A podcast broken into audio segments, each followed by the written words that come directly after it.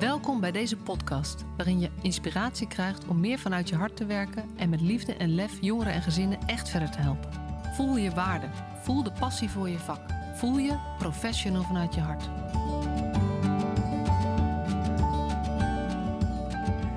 Welkom weer, een nieuwe aflevering van de Professional vanuit je hart podcast.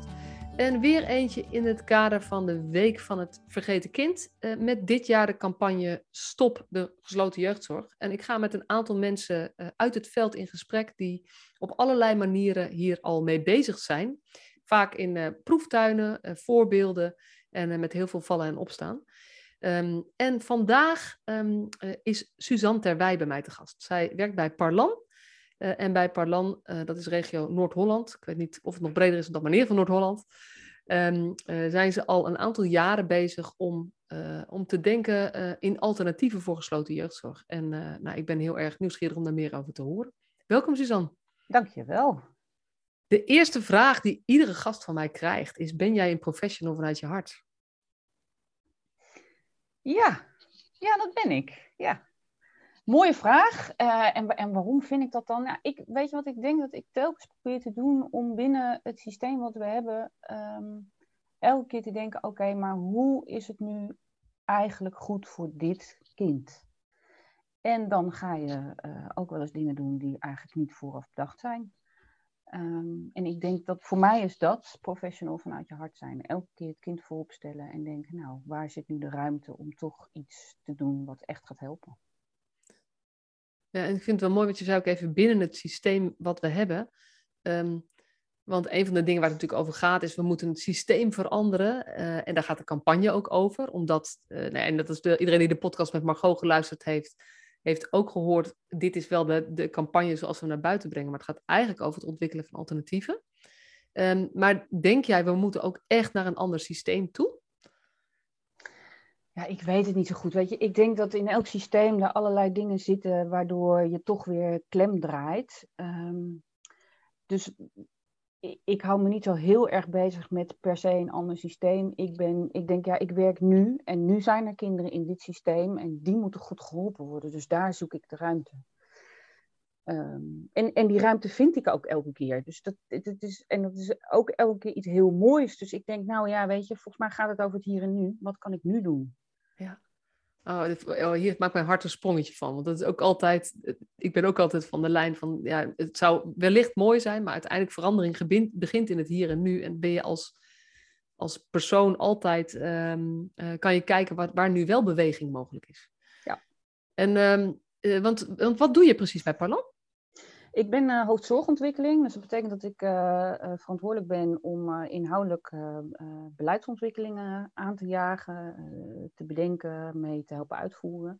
En waar ik vooral mee bezig ben geweest de afgelopen jaren is de ombouw en de afbouw van onze Jeugdzorg Plus. We hadden een oude Jeugdzorg Plus voorziening en die is nu weg. En wat doen we dan nu wel met de kinderen die eigenlijk ehm, hele complexe problemen hebben op dit moment? Uh, dus daar hebben we nieuwe vormen voor bedacht. En dat is eigenlijk waar ik voornamelijk mee bezig ben. Ja. En uh, hoofdzorgontwikkeling klinkt als um, dat je op een plek in een kantoor achter een bureau aan het denken bent over hoe kunnen we dat beter doen en heel veel Zoom-meetings hebt. Maar, dat is ook zo. Dat is ook zo? ja. Maar daar vul je niet je hele week mee? Nee, gelukkig niet. Dat is ook zo en dat is ook heel leuk. Maar um, ik zit daarnaast nog voor ongeveer tien uur in een uh, ambulant team. En dat is eigenlijk ook een van de vormen die is voortgekomen uit de, afbouw van onze Jeugdzorg Plus. Want dat is een uh, ambulant team waarmee we echt als, onszelf als opdracht hebben gesteld om uit huisplaatsingen te voorkomen. En uh, zeker ook Jeugdzorg Plus plaatsingen te voorkomen. Um, dus dat team heeft een, een specifieke taak en daar, daar daar werk en daar puzzel ik ook hard in mee. Dus ben ook echt met cliënten en uh, scholen en alles daaromheen bezig. Ja. En um, ja, er zijn heel veel dingen waar we op in zouden kunnen gaan. Maar misschien is het wel leuk om gewoon even door te praten over dat, dat ambulante team. Want dat, dat gaat. Um, dan ben je niet alleen maar bezig met, hey, we sluiten de jeugdzorg plus en waar kunnen de kinderen dan heen? Maar je kijkt juist op een andere manier. Je probeert veel eerder in het proces iets anders te gaan doen om te voorkomen dat zo'n plaatsing waar Jeugdzorg Plus nodig is.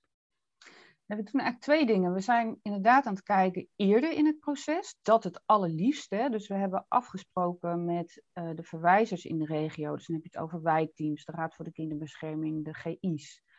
Van goh, op het moment dat je denkt bij een gezin, jemig, hier zit een kind in. En, en ik, ja, oh, het ruikt naar straks komt er een machtiging jeugdzorg plus bel ons dan. Ga niet wachten, ga niet die machtiging aanvragen, maar bel op het moment dat je al merkt in je hoofd, ik ben aan het overwegen, en misschien moet er wel ergens een gesloten machtiging komen.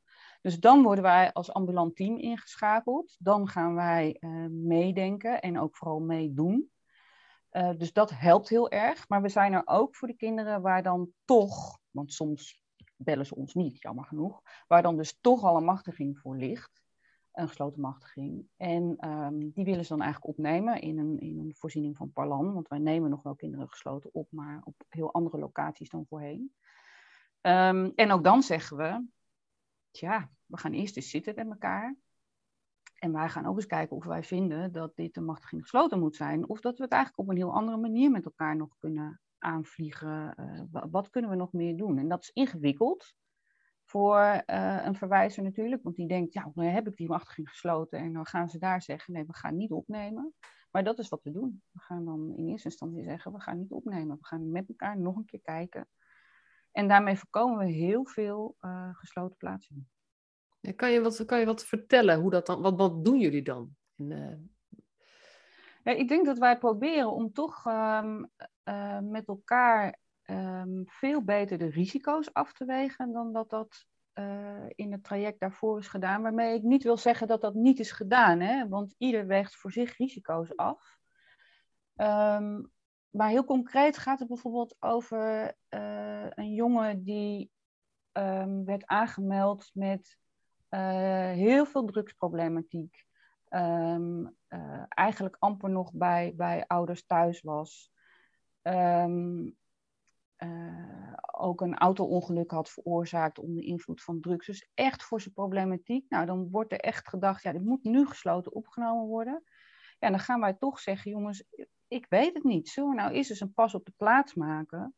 En uh, moet dit kind echt uit huis? Gaat dat nou echt helpen? Gaan we hem daarmee helpen? Of moeten we contact maken, er nu heen gaan? Hij wilde niet naar ons toe komen, dus dan gaan we naar dat huis toe. Dan gaan we voor zijn kamerdeur zitten als hij er niet uitkomt. Dus we zijn echt bezig met uh, contact maken, um, eigenlijk rust in zo'n casus creëren, want iedereen heeft crisis, eigenlijk die hulpverleners omheen ook en die ouders ook, en dat snap ik ook, die voelen zich hartstikke machteloos allemaal. En dan zeggen we met elkaar, maar jongens, met elkaar, pas op de plaats, nadenken over wat gaat op de lange termijn effect hebben en hoe gaan we dat dan doen. En dan gaan we er dus ook als team in, hè? dus dan hebben we een ambulant werker die ochtends naar die jongen toe gaat en die gaat hem uit bed halen, want hij wil dan toch wel naar school. Nou, dat lukt soms wel en dat lukt soms niet natuurlijk.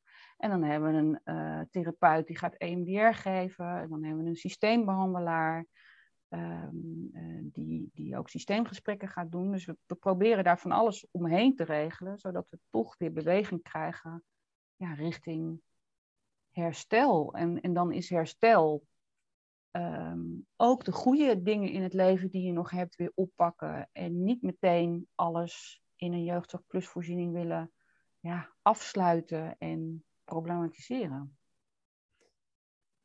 Ja, want dat is eigenlijk, als ik dat goed begrijp uit je verhaal, dat is wat je als een van de grootste nadelen ziet van het opnemen in een gesloten voorziening, dat ook het leven eigenlijk wegvalt. Ja, dat is een nadeel. Het, dus vind ik echt een nadeel. Hè? Dus de kinderen die in voorzieningen worden opgenomen, of dat nou een jeugdzorg voorziening is of, of andere uh, voorzieningen. Maar sommige kinderen worden daar echt langdurig opgenomen. En ja, je staat toch eigenlijk best wel buiten de maatschappij. Ja, ik denk dat dat niet helpt voor kinderen. Zeker niet voor deze kinderen. Die, die hebben juist, die schreeuwen eigenlijk om de verbinding. Iedereen heeft ze al weggeduwd. En iedereen heeft al gedacht, ik weet het niet meer, nou moet een ander het maar doen met dit kind. Dus ik, ik geloof niet dat dat wegstoppen helpt. Um, dus dat is een van de nadelen van dat soort instellingen.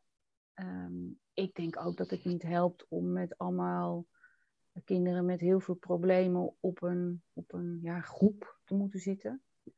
Um, want ja, je, je zou natuurlijk veel liever willen dat, dat kinderen met problemen tussen uh, kinderen zonder problemen opgroeien, zeg maar. Ik denk dat dat gewoon, hè, dan ga je vanzelf wel meedoen. Um, dus de positieve groepsinvloed meer. Uh... Ja, ik denk dat er veel negatieve groepsinvloed is. Ik denk ook dat het over het algemeen veel te grote groepen zijn. Nou, dat helpt al helemaal niet. Kinderen die zijn meer met elkaar bezig dan. En, en begeleiding met, met hoe uh, zorgen dat het hier een beetje rustig blijft. Dan, dan dat je werkelijk iets aan het leren bent. Dus ik, ik geloof ook niet zo als het gaat om heel veel verschillende problematieken van kinderen. Dat je dat bij elkaar kunt zetten en, en dan een soort.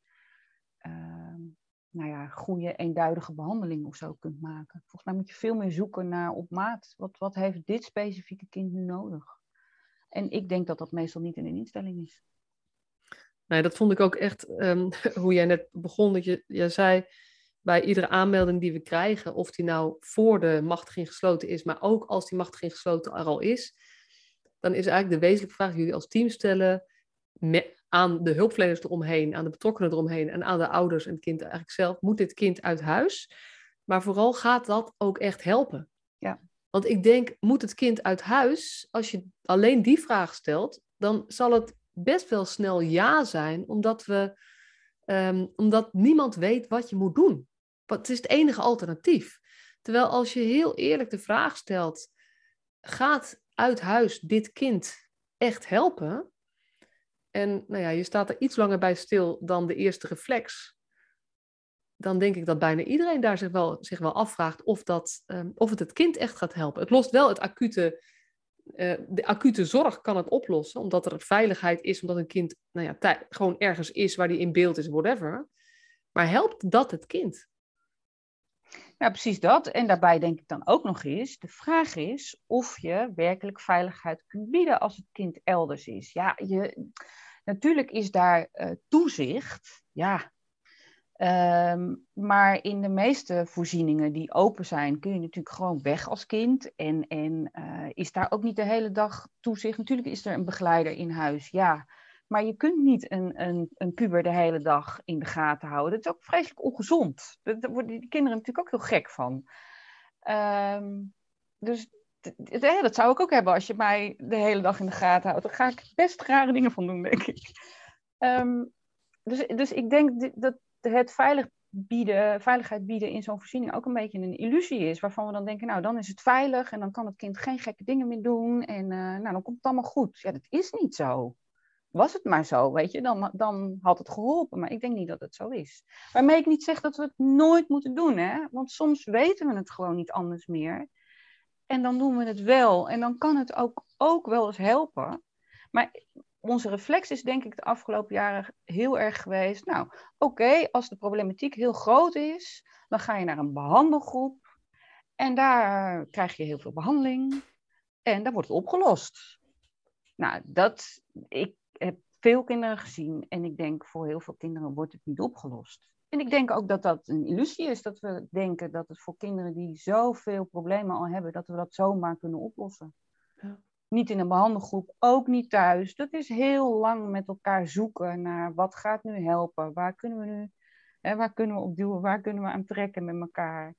En dan gaat het een tijdje goed en dan gaat het soms even niet goed. Nou, dan ga je weer verder zoeken met elkaar. Dus het is een heel proces. Het is niet een quick fix. Het is geen pil erin en dan... Nee, zo werkt het niet dus het is ook minder, um, laten we vooral de perfecte behandeling zoeken voor dit kind, want dan, dan zitten we goed. Het, is veel meer ook trial and error met ieder, uh, met ieder kind. En natuurlijk niet zomaar, wel uh, bewust gekozen trial and error, maar je gaat kijken, hey, we, gaan, we gaan dit proberen met elkaar. Kan jij er ook in vinden? We gaan op weg. hey, dit werkt goed, dit werkt wat minder bij jou. Hoe kunnen we nu uh, in de samenwerking weer andere dingen bedenken die, jou, die, die beter bij jou passen of zoiets? Zeker, ik zou dus inderdaad geen trial and error noemen, want we, zitten alle, we zetten ook allerlei evidence-based dingen in. Maar um, nou ja, het is wel elke keer zoeken naar behandeling op maat. En niet alleen behandeling, maar ook ondersteuning. En, en kijken naar het kind in zijn hele context. Dus niet alleen naar een kind met uh, hechtingsproblemen en ADHD, maar ook hoe, hoe, functioneert hij nou op school en hoe kunnen we daar uh, helpen en wat gebeurt er eigenlijk in de vrije tijd en wat gebeurt er in de interactie met deze ouders en de vrienden. Oh, nou verkeerde vrienden. Ja, nou ja, dan heeft hij verkeerde vrienden, dan gaan we die er ook wel bij halen, weet je. Dan, dus het is veel breder dan alleen maar nou ja, het kind en een ziekte. En... Ja. ja, en dat is, uh, want weet je, evidence-based uh, interventies uh, zijn onwijs belangrijk. Maar het grote lastige is dat dat heel, je kan, kan alleen maar evidence-based zijn bij een heel erg goed omschreven doelgroep. Um, en um, een van de moeilijkheden is natuurlijk vaak dat, dat, er, uh, dat, dat er zoveel andere factoren zijn die van invloed zijn. Ja. En dat de dingen die werken, um, nou ja, er is geen enkele methode voor dit kind ontworpen. Ook een evidence-based methode, daar zitten heel dingen, goede dingen in, maar dat kan interacteren met iets anders wat bij dit kind hoort, ofwel vanuit het systeem, of vanuit geschiedenis, of vanuit persoorlijkheid, waardoor het net niet helemaal past. Ja. En... Waardoor je dus bijvoorbeeld met traumabehandeling soms uh, ook, ook uh, onorthodoxe dingen doet. Hè? Dat, ja, ik weet dat het heus uh, niet per se handig is of gangbaar is dat je traumabehandeling bij een kind op een slaapkamer biedt. Maar ik denk, nou, maar als ik daar nou wel de traumabehandeling voor elkaar krijg en op kantoor niet, dan ga ik het in die slaapkamer doen. Um, dus, dus ja, je, je doet natuurlijk allerlei dingen om te kijken of je toch contact met een kind kan krijgen en toch ook de evidence-based dingen in kan zetten waarvan je weet ja, dat die wel gaan helpen. Ja, ja, ja en, en toch, hè, want uh, het is grappig hoe, hoe jij dan zegt van ja, het is misschien niet zo gebruikelijk om dat te doen, maar als het nodig is, doe ik het wel. Maar als je vaak in de, de beschrijvingen kijkt, kijkt van, um, van methodieken, um, of evidence-based uh, interventies, die zijn best wel gestuurd ook in, in hoe, de, hoe de omgeving eruit ziet. En het vraagt creativiteit van jou als professional om te kijken welk deel is nu um, uh, is evidence-based en ook zo passend bij de interventie waarbij ik moet zorgen dat het, dat het overeind blijft, want anders is het niet meer evidence-based. En welk deel heb ik eigenlijk ook vrije ruimte? Want die is er best wel veel. Ja, en misschien geef ik net een heel verkeerd voorbeeld, want er staat helemaal natuurlijk niet in het protocol van de EMDR dat ik dat niet op een slaapkamer zou mogen doen. Maar we hebben in ons hoofd volgens mij wel heel erg zitten hoe het allemaal hoort. Um, en, en wat dan uh, professioneel zou zijn. Ja, en daar uh, zoek ik wel ruimte, ja. Omdat ik denk dat het niet anders kan bij deze kinderen. En ook ja. omdat het eigenlijk het heel erg leuk maakt ook. Dat is ook zo. Ja, ja. Nou, en ik zat net ook door te... Dat zit dan door in mijn, mijn hoofd radert natuurlijk ook. Ik vind het ook wel heel Want uiteindelijk denk ik inderdaad dat, um, dat zo'n zo'n interventie wordt vaak ingezet in ook... En er wordt een vorm van een protocol aan vastgehangen hoe je dat dan kan doen. En dat uiteindelijk vaak het protocol meer de belemmerende factor is of zo. Terwijl dat niet te maken heeft met hoe de interventie ooit bedacht is. Maar dat dat gewoon beschreven is van, goh, hoe kun je dit in de praktijk vormgeven? Nou, daar staat dan niet in uh, uh, ga uh, als het nodig is op een kind op de slaapkamer van een kind zitten. Ik vind het juist een heel mooi voorbeeld. Ik denk dat niet veel um, therapeuten gewend zijn om dat, zo, om, om dat gewoon zo te doen. Dat hele outreachende en zoeken naar de plek waar, dat, waar, waar die behandeling voor dat kind het fijnst is. Nee, dat laatste dat klopt. Ik, sommige wel, maar de meeste niet, denk ik de meeste therapeuten zitten op een kantoor en daar moet je als kind naartoe komen. Maar dat team wat we dus gecreëerd hebben, ja, dat is heel erg outreachend bezig. En soms, ja, aanklampend is niet het juiste woord, maar soms zelfs wel een beetje aanklampen. Dat ik denk, ja, maar als je een kind hebt met heel veel vermijdingsgedrag, uh, ja, dan kun je denken, we sluiten het op, hè, want dan kan het niet vermijden. En dan staan we voor zo'n snuffert. Ja. ja, of je ja, de verbinding viel even weg, dus we pakken de draad weer op. Je vertelde, als je een kind hebt met heel erg vermijdingsgedrag, dan kan je hem opsluiten of uh, plaatsen op een voorziening om te zorgen dat je wel voor zijn snuffert staat. Of? Ja, of thuis houden. Uh, maar dan betekent dus dat jij voortdurend als hulpverlener heel veel moeite moet doen om contact te krijgen met dat kind. Dus dan ga je daarheen en dan is hij er niet. En dan laat je je niet uh, ontmoedigen en afpoeieren. Nee, dan ga je smiddags opnieuw kijken of die er dan wel is. En dan praat je door de brievenbus en dan ga je appen s'avonds. En dus je, je moet onwijs veel moeite doen om in contact te komen met kinderen die vermijdend zijn. En wat je bij de meesten ziet, is dat ze ergens toch gaan denken: oké, nou oké, nu kan ik er wel gebruiken. Nou prima, oké. dan word ik even gebruikt. Maar dan heb ik wel contact en dan komt er wel een lijntje. En dan volgende, dus, dus je moet het langzaam opbouwen. Ehm, en daarin wel heel erg volhouden. En ook weten dat je heel veel momenten gaat hebben waarop je even geen contact hebt. En dat ook kunnen verdragen. En dan niet meteen in de paniek schieten en zeggen: Nou, dit werkt dus niet. En het is niet volgens protocol. Of uh, dan gaan we nu maar wel uh, gesloten plaatsen. Nee, volhouden en doorgaan. En daar heb je ook heel erg elkaar voor nodig. Dus dat team is altijd, zijn altijd een paar collega's die om één gezin heen gaan staan. Want uh, soms ben ik ook ontmoedigd natuurlijk. En dan denk ik, ja, jee, het lukt gewoon echt niet. En het gaat echt niet goed. Ja, dan bel ik mijn collega en dan zeg ik, moet je nou eens luisteren? Nou, ze was er weer niet, ja. En dan gaat die collega natuurlijk zeggen, ja, maar dat weten we bij dit meisje. Kom op, dat was twee weken geleden ook. En daarna kwam het ook weer. Dus volhouden, weet je. Dus je hebt ook echt elkaar nodig om uh, nou ja, door te gaan, vol te houden en geloof te hebben in dat het gaat komen. En bij de meeste kinderen komt het contact en die, en die gaan bewegen. Ja, en ik kan me voorstellen dat dit moeilijk te geloven is voor mensen die, nou ja, die echt in die, in, in die gesloten jeugdzorg werken, dat het dat op deze manier kan. Als je kijkt naar, naar want, je, want jij, jij werkt ook bij Parlando toen jullie nog die oude ja. vorm hadden. Ja. ja. Kan je iets vertellen over, want het, dat is natuurlijk, dit vraagt, dit is anders denken, dit is anders kijken, dit is anders doen. Dit zijn zoveel dingen die anders zijn. Kan je iets vertellen over hoe dit voor medewerkers was? Is om, um, nou ja, hier, zeg maar, nou ja, dit te gaan ontwikkelen of hierover na te gaan denken of hierin uh, een bijdrage te kunnen leveren? Ja, dit is super ingewikkeld. Um, maar de medewerkers die daarin mee zijn gegaan, die, die zie je er ook uh, blij van worden. En niet altijd, hè, want er zijn ook genoeg momenten dat wij ook met de handen in ons haar zitten en denken, nou, nou moet hij. En dan hebben we toch iemand opgenomen in een kleinschalige vorm, waar kinderen mogen blijven wonen. Dus dat is al heel anders dan in onze oude vorm, waarin we uh, niet afzonderen, waarin we geen piepers hebben, waarin iedereen door het huis mag bewegen, waarin kinderen eigenlijk gewoon wonen. Um, maar ja, ook daarin zie je natuurlijk ook kinderen waarmee het heel ingewikkeld is. Ja, en dan krijg je natuurlijk ook weer opnieuw als medewerker het idee, ja, maar dit lukt niet hoor. Nou, zo lukt het echt niet. En heb je dus ook opnieuw elkaar nodig om te zeggen, nee, maar jongens, lange adem is dit. We houden vol, we gaan niet wegsturen, want dat gaat het kind echt niet helpen wegsturen. Want dat is weer een verhuizing, weer een overplaatsing. En geloven wij dan dat een ander het wel kan?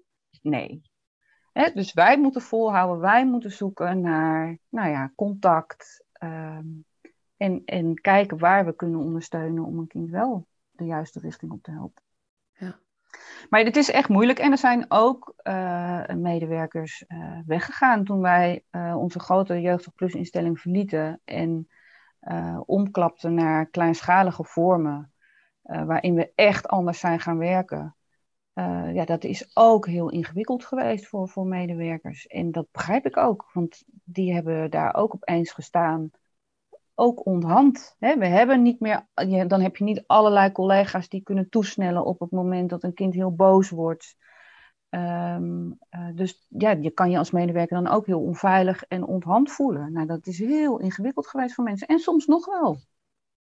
Ja, ja het is ook de, ja, ik ken natuurlijk wel organisaties waar ze ook met deze veranderingen bezig zijn. En wat ik toch bij medewerkers ook vaak zie, hebben een deel van de mensen die worden er eigenlijk zo blij van, omdat dit veel beter bij ze past. Ja. En die zie je opbloeien en die zie je nou ja, zich ook ontwikkelen tot, tot professionals, zeg maar. Nou, echt, uh, waar je zo blij van, waar ik in ieder geval zo blij van word. Maar je ziet ook mensen die echt um, die misschien wel die andere visie houden. Die geloven dat het ook beter is voor kinderen om die rust en die duidelijkheid en die veiligheid en die structuur van buitenaf te krijgen. Ja.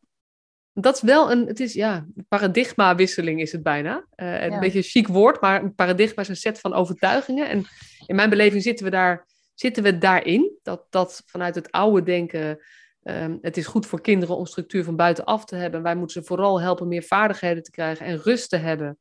En dan vanuit um, de veiligheid van, nou ja, of het een groep is of besloten of gesloten, uh, stap voor stap weer um, de dingen op te kunnen gaan bouwen.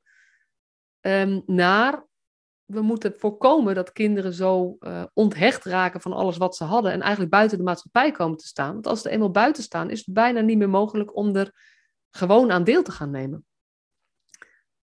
En, ik denk eh, dus dat dat de paradigma shift is, hè, die jij noemt. Maar de paradigma shift is dus ook dat op het moment je een kind toch elders laat wonen, dus niet van behandelgroep naar behandelgroep laten sjouwen, maar echt laat wonen, omdat er nou eenmaal geen andere woonplek is. Want soms is dat voor kinderen echt zo, hoe naar ook.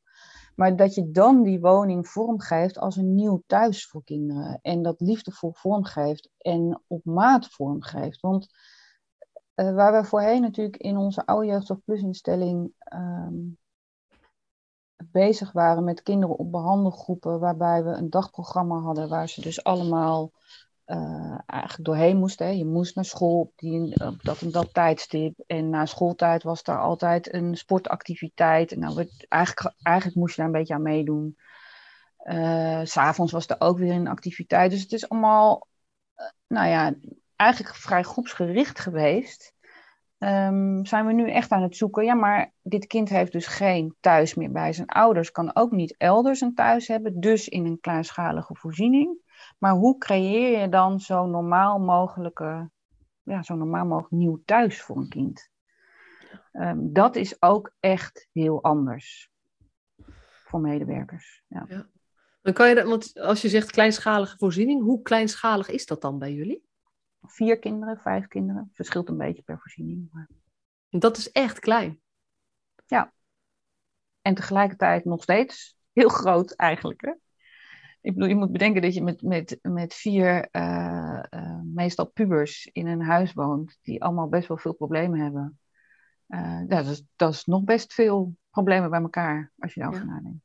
Ja. Ja, dus, maar ja. het helpt enorm, want het betekent nog steeds dat we daar twee begeleiders hebben die um, nou ja, natuurlijk veel meer met kinderen individueel bezig kunnen zijn. Op het moment dat een kind boos wordt, kun je dan ook echt de tijd nemen en proberen een kind te kalmeren. En, en ook, nou, als het kind nog steeds boos blijft, te zeggen: joh, wil je dat ik even wegga? Dat is allemaal prima, dan ga ik even weg hier. En dan kom ik straks wel weer vragen of je dan wel kan. En dan ga je en dan nog steeds niet. Nou, dus daar ben je soms twee uur mee bezig met een kind dat echt heel, heel, heel boos is. En scheldt en weet ik veel. Uh, dat kan nu. Dat is ingewikkeld, maar dat kan. En dat kon niet op een, op een groep met acht, negen, tien kinderen. Dat gaat niet. Dus um, ja, vier is in die zin uh, veel beter dan acht, negen, tien kinderen. Je kan echt veel meer individueel aanbieden en contact maken. En je hebt ook veel minder interacties tussen die kinderen onderling, want ook dat is echt ingewikkeld. Hè? De, de, de, je kunt je voorstellen dat als, als je als volwassene uh, uh, maandenlang met acht dezelfde mensen in een huis moet wonen, ja, daar gaat gedoe ontstaan. Ja. Uh, laat staan dat als het acht kinderen zijn die zelf allemaal heel veel problemen hebben. Ja. ja. Ja. en er zijn ook wel van die, ik heb het wel eens gezien, ik weet het niet uit mijn hoofd, maar dat je het aantal interacties wat je krijgt, is niet zozeer dat dat, dat verdubbelt niet als je twee keer zoveel mensen hebt, maar dat stijgt exponentieel. Dus het dat aantal... geloof ik direct. Ja. En ik, oh, dat zou wel leuk zijn, want dat, dat was wel heel inzichtelijk voor mij. Dat, dat als je kijkt, uh, ja, met kansberekening, daar ga ik me niet vast van bijten nu. Het is maar dat, iets exponentieels, ja. Het is exponentieel. Ja. En, en dus het is ook als uh, eigenlijk, nou ja, wij als professionals die er dan naar kijken en die daar dan af en toe zijn, want dat is het toch gewoon. Het is niet voor te stellen hoe het voor je is als, als je dit de hele dag om je heen hebt. Want dat zijn kinderen die, uh, weet je, ze hebben moeite met zichzelf reguleren. Ofwel ja. wat betreft agressie, of wat betreft somberheid, of wat betreft um, uh, de, uh, nou ja, eten of whatever. Um, want dat is waarom ze daar zitten. Maar dat betekent dat je dus al de hele dag prikkels krijgt van andere kinderen die op dat moment moeite hebben met zichzelf te reguleren, terwijl je het al zo moeilijk hebt met jezelf. Ja, ja precies dat. Ja. ja. Ja, dus dan is nog steeds vier nog steeds veel, maar al een stuk beter dan wat we hadden. En, en je ziet het ook. Je ziet meteen veel meer rust in zo'n huis. Um, ja, kinderen voelen ook veel minder druk doordat wij niet meer zo'n zo'n hele strakke, strak programma op hen hoeven te leggen. Um, dus er gebeuren gewoon echt andere dingen. Je ziet kinderen ook op een gegeven moment echt zeggen: uh, Oh, oké, okay, nou, dit is eigenlijk mijn huis, hier wil ik dus ook wel wonen. En ook de ander aanspreken: Hallo, doe even gewoon, want dit is ook mijn huis. Weet je, dus dat gaat, dat gaat iets anders. Ja, er komt een andere energie of zo. Ja, ja. dat is echt mooi.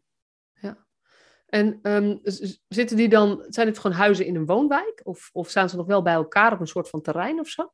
Nee, we hebben um, huizen in een woonwijk. Um, en ja, dat zijn verschillende verschillende huizen en verschillende woonwijken. Dus je ziet ook meteen dan de moeilijkheid komen of ontstaan dat het heel erg afhankelijk is natuurlijk ook van de buren om je heen.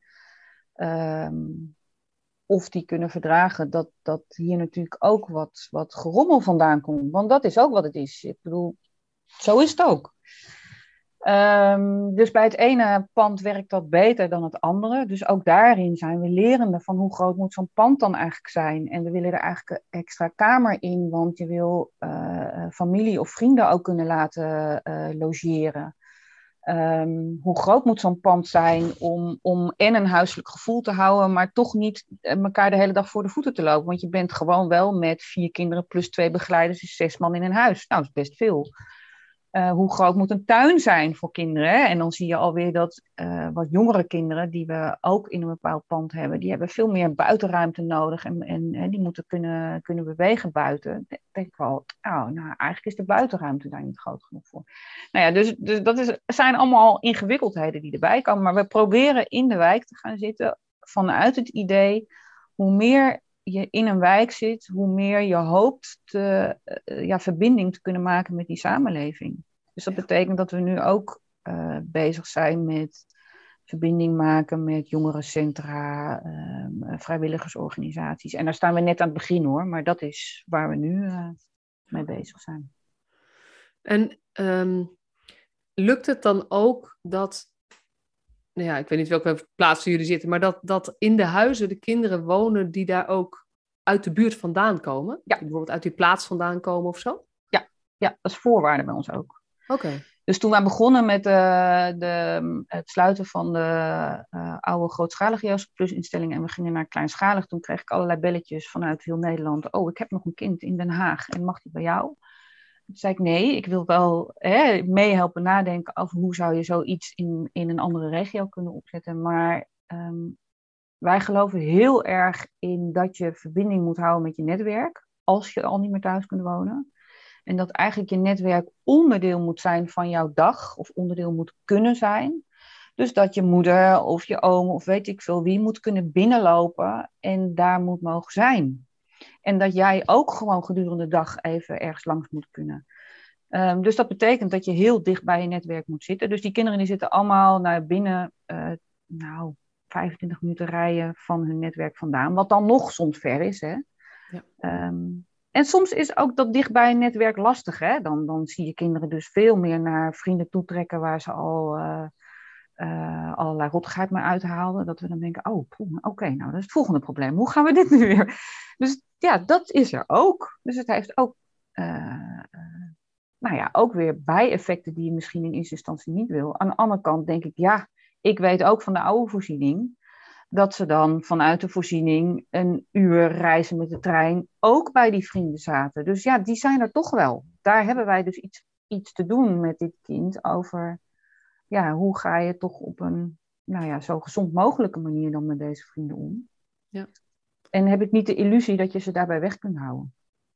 Nee, dat, dat is ook. Ik heb uh, gewerkt met, met jongeren die in de criminaliteit uh, zitten, ja. zaten.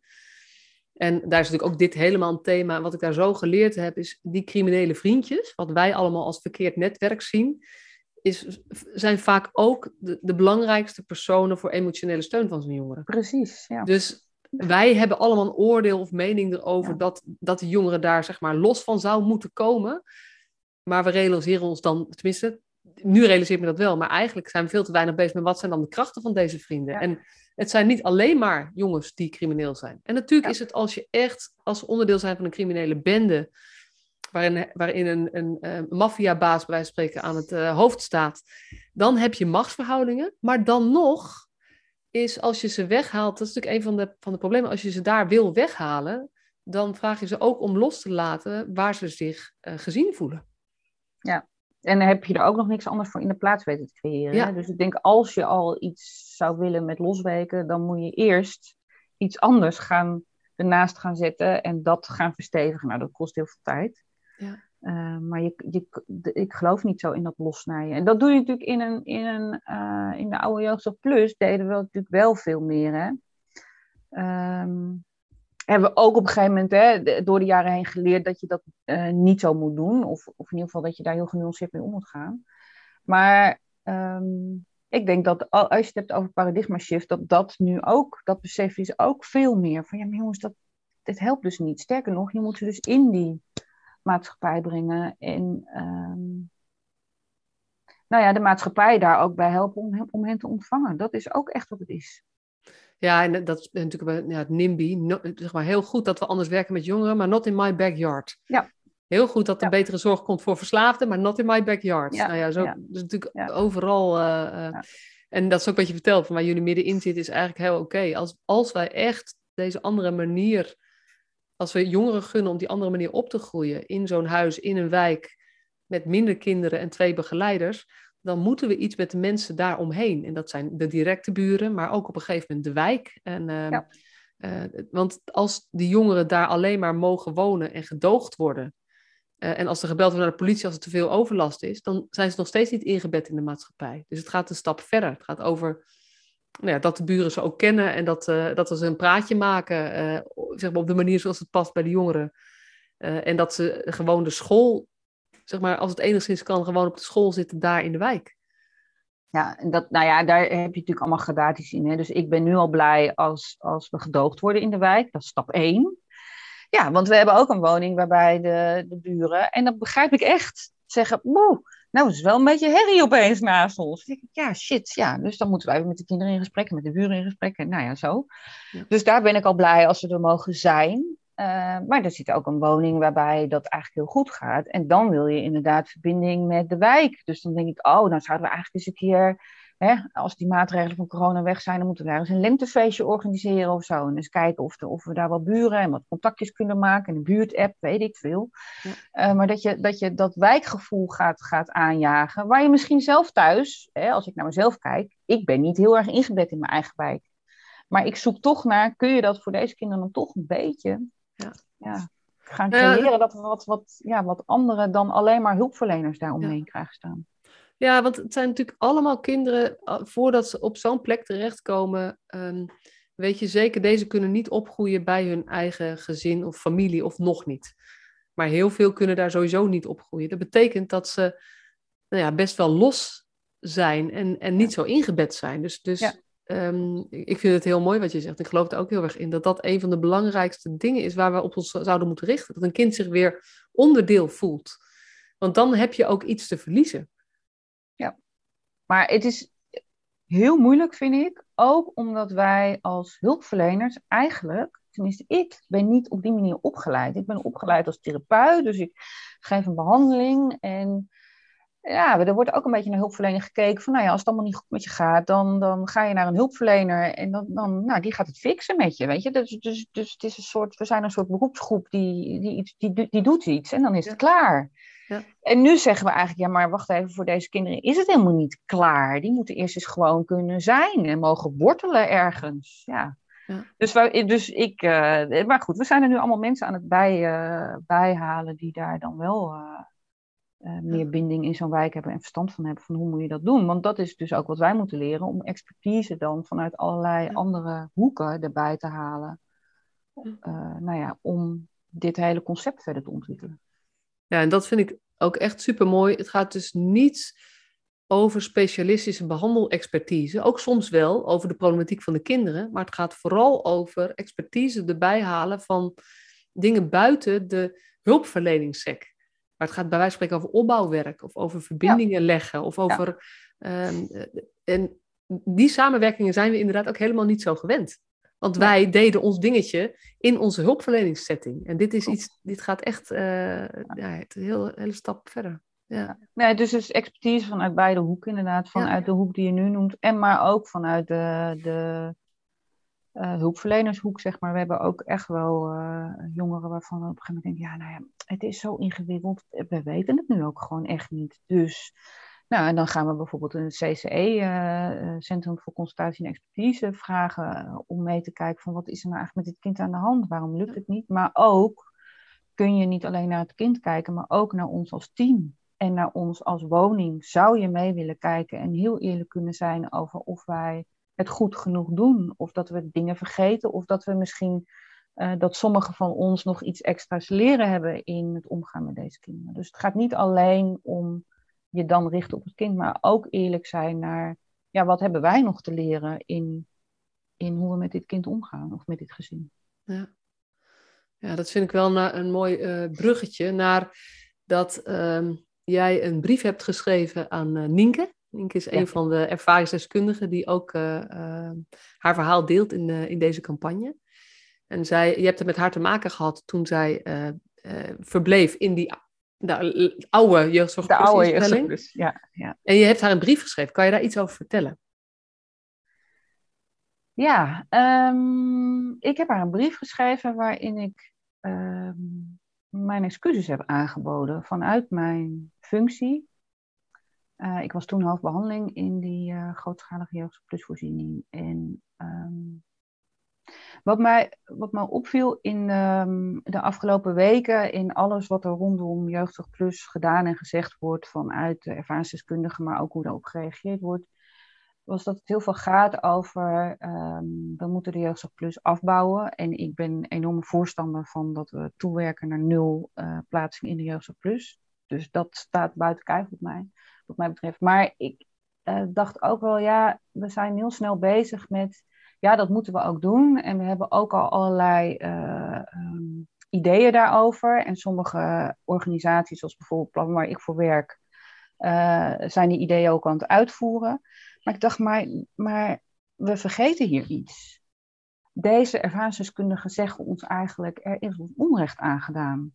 En toen dacht ik, ja, dat is eigenlijk gek dat we daar niet ruimte voor maken het is gek dat we zeggen, ja, het is vervelend, maar we zijn nu al veel beter bezig. Alsof we een beetje ons eigen ongemak daar ook over willen wegstoppen. En als ik naar mezelf kijk, dacht ik, ja, dat is ook zo. Ik, ik voel me er ongemakkelijk over, want ik ben, dat klinkt heel raar, maar ik ben heel, um, ja, eigenlijk ook heel trots geweest op wat ik heb gedaan in Transferium als de oude jeugdzorgplusvoorziening. Ik denk dat wij voor een jeugdzorgplusvoorziening echt een goede jeugdzorgplusvoorziening zijn geweest. Um, maar nu terugkijkend kan ik ook echt wel zien dat we dingen toen nog niet wisten, die ik nu wel wist en die echt niet goed zijn geweest. En dat is natuurlijk ook wat die ervaringsdeskundigen zeggen. Joh, maar ik ben wel beschadigd daar en dit heeft mij niet geholpen. Denk ik, ja, volgens mij moet je dan ook zeggen, ja, daar heb je gelijk in. Sorry. En niet meer dan dat. Sorry. En ik kan allemaal uitleggen hoe het zo is gegaan en weet ik het allemaal. Maar ik dacht, dat helpt niet. Want wat zij moeten horen en waar ze recht op hebben is sorry. We hebben het niet goed gedaan. Ja. Dus dat heb ik naar haar geschreven. Ja. En ik hoop dat ze nou ja, daar iets van kan opnemen. Ja. Over na kan denken. Nou, zo heb je en dat vond ik ook mooi. Hè? Het is, het is, je gaat er niet van uit dat zij dit aan kan nemen en dat het daarmee goed is. Dus je, je hebt je brief ook gedeeld op LinkedIn. Uh, Ook om het. Dit is ook een gesprek dat we echt moeten voeren en de erkenning die we moeten geven en, en het excuus wat daarbij hoort. Um, nou ja, het zal van de oprechtheid afvallen, uh, afhangen of, dat, of jouw excuus ook aankomt bij, uh, bij degene tegen wie je dat zegt. En, en ja. nou, dat vind ik heel mooi ook hoe je, hoe je het nu zegt. Van ja, ik, ik, weet je, ik hoop dat, dat, de, de, deze, dit, dat ik dit nu tegen je zeg, dat je op termijn hier iets van kan aannemen waarmee het voor jou wat uh, nou ja, goed maakt. Niet eens. Ik weet niet, je pakt prachtige woorden daarvoor, maar daar heb je natuurlijk over na kunnen denken. Ja, ik kan ze ook niet nu zomaar herhalen, maar uh, ja, dat hoop ik voor haar en, en ook voor anderen. Kijk, ik heb hem naar haar geschreven. Zij is ervaringsdeskundige in de campagne van het Vergeten Kind en ik ken haar. Um, nou ja, en ik hoop dat ook andere jongeren dit lezen en, en ook kunnen denken, oh, maar dit geldt dan eigenlijk ook voor mij. Ja. ja Want zo heb je hem ook bedoeld. Hè? Het is, ja. is, publiek is het aan Nienke geschreven, omdat het ook daarmee met die campagne. Ja. Je hebt een stukje opgepakt dat nog niet in de campagne zat. Dus dat is echt super, uh, super mooi. Maar het is natuurlijk voor alle jongeren eigenlijk, uh, waarbij je met terugwerkende kracht denkt: ja, ik heb toen het beste gedaan wat ik wist, maar ik weet nu beter. En, uh... Ja, en vooral, ja, jij hebt daar schade van ondervonden. Ja. En sorry daarvoor, want dat is nooit de bedoeling geweest. Nee. nee. nee dat en dat mag, hè, dat mag niet. En nu weten we beter, dus dat betekent ook dat je niet alleen excuus maakt, maar nu ook iets anders gaat doen. Nou, daar zijn we ook allemaal mee bezig. Maar mij ging het daar om ruimte creëren voor deze kinderen. Om echt oprecht Ja. een excuus te maken. En dan even een punt te zetten en even stil te zijn. Want dat Ja. excuus moet er zijn voor deze kinderen. Dat Ja. denk ik, in ieder geval, dat denk ik. Ja, en dat herken ik ook wel. Hoor. Ik heb de eh, podcast met Sanne en eh, Jason ook opgenomen al. Die ook allebei in deze campagne meehelpen. En nou, we hebben het daar tijdens het gesprek een beetje over, maar ook na de, eh, als de opname uit is, dat zij ook zeggen, een van de meest pijnlijke dingen zijn gewoon al die reacties. Ja, weet je, het is ook wel erg wat je meegemaakt hebt, maar we doen toch al heel veel beter. En dat dat zo'n pijn doet, omdat dat niet recht doet aan hoe zij beschadigd zijn en hoe zij nu nog dagelijks last hebben van dingen die er toen gebeurd zijn. Ja. Dus is een echt, ja, ik denk dat het een hele belangrijke en mooie stap is. eh. En daarbij kan ik het niet wegnemen, hè, want ik weet dat Nienke niet nu morgen minder beschadigd is. Dat, dat, dat kan niet. Ik kan, ik kan het niet meer ongedaan maken, maar zij moet het wel. Ja, zij moet dit stukje ook horen. En zij weet ook, en de reactie die ze naar mij heeft gegeven is dan ook weer nou, hartverwarmend. Ehm, zij weet ook dat, hoe het heeft gezeten en dat we binnen het systeem echt hebben geprobeerd voor haar om alles uit de kast te trekken. Ehm, maar zij mag ook weten dat, dat het haar ook pijn heeft gedaan en niet heeft geholpen. Ja. Ja. ja, en dat is, alle ervaringsdeskundigen die ik spreek, die zeggen ook van, waarom kunnen, kan er niet gewoon een sorry gezegd worden? Hm. Ik snap ook wel, ik snap het wel. Ik snap heel veel, niet alles snappen ze, maar heel veel snappen ze wel. Ja. En toch, dat sorry is natuurlijk zo Ja, dat- eh, waar je ook kijkt ter wereld, eh, bij grote conflicten of, of dingen tussen bevolkingsgroepen, waar het over gaat. Het kan pas starten als ook er sorry gezegd wordt voor de dingen die fout zijn gegaan.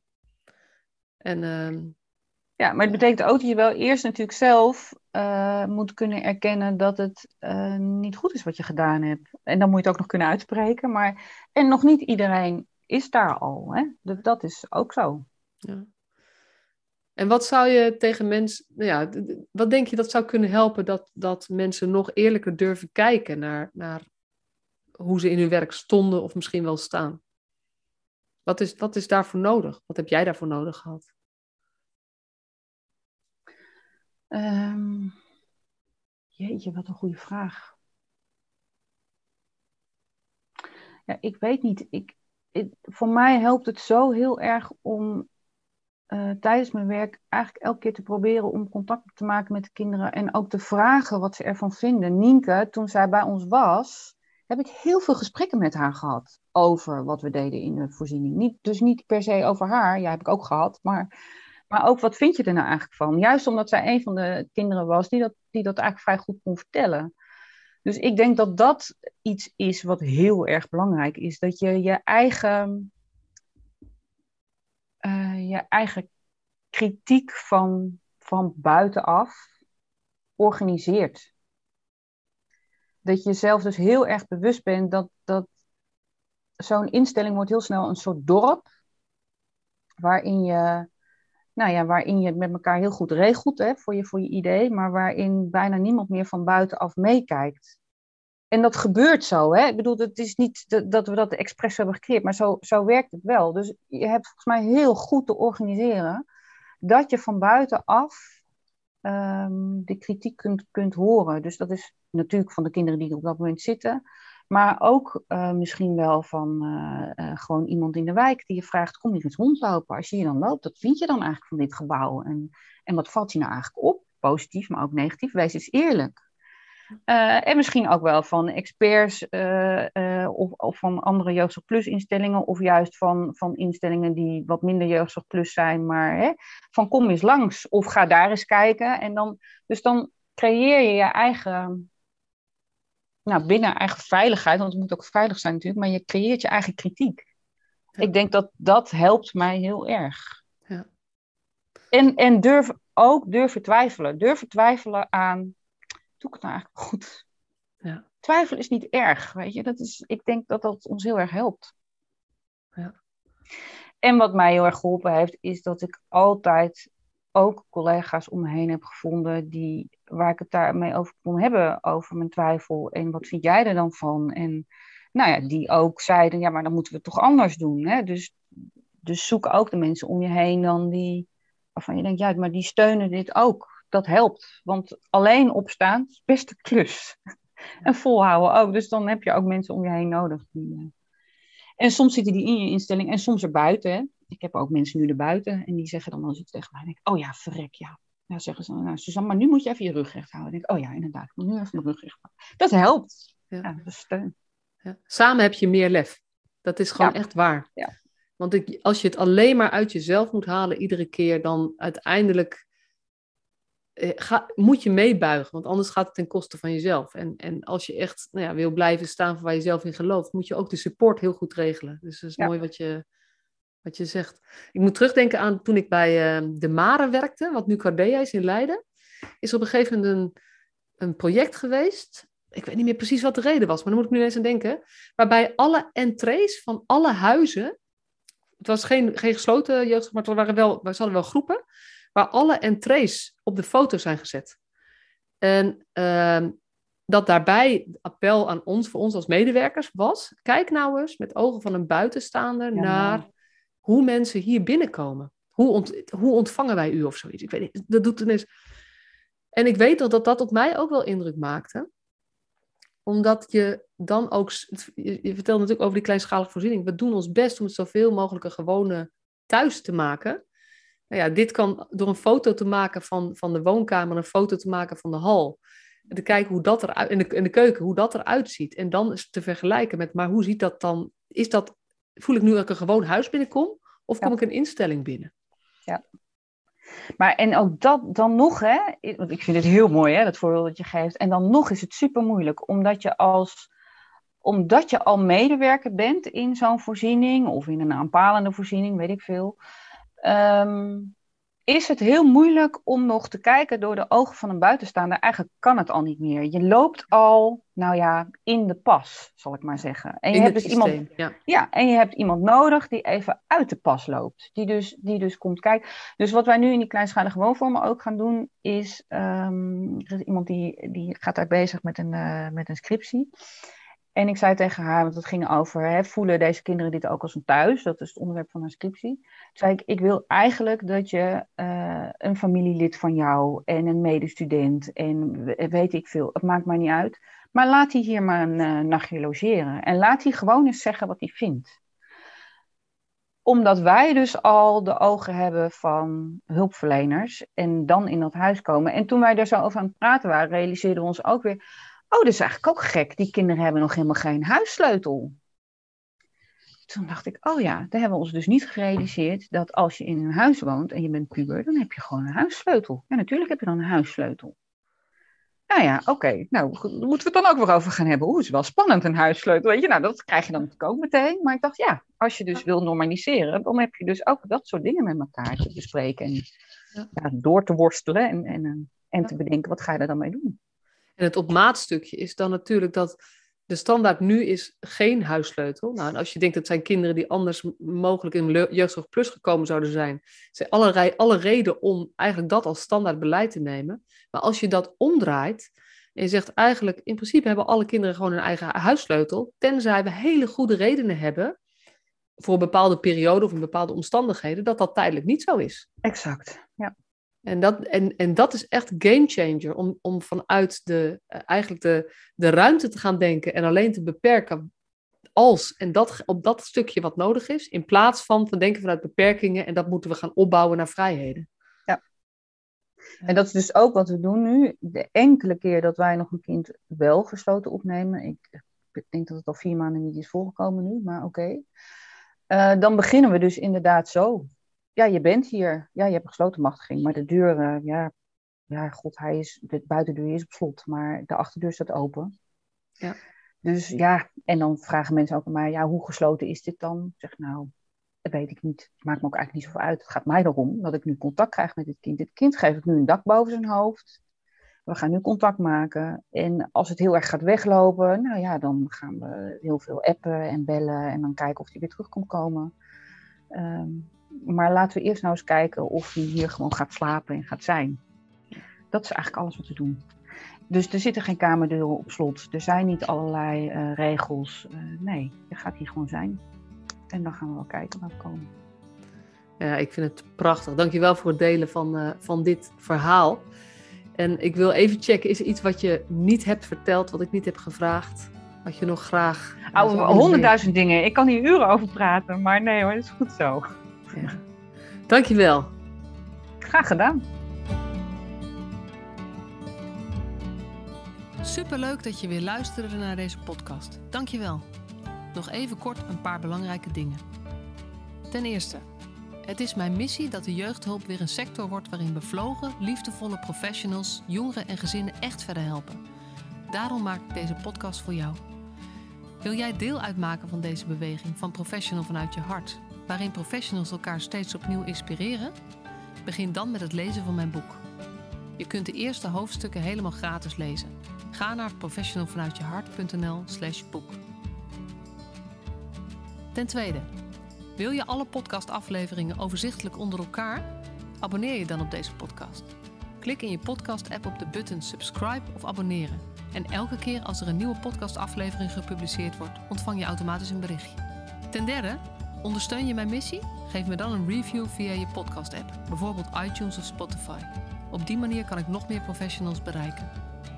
En ken je een collega voor wie deze podcast ook interessant is?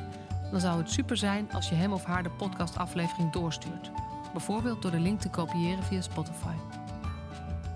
Ik vind het altijd heel leuk om berichtjes te ontvangen van luisteraars om te horen wat je van een podcast vindt, of als je misschien vragen of suggesties hebt. Of als een aflevering je een bepaald inzicht heeft gegeven of er iets in beweging is gekomen. Stuur me dan even een berichtje op masha.professionalvanuitjehart.nl via de website of stuur me een connectieverzoek op LinkedIn.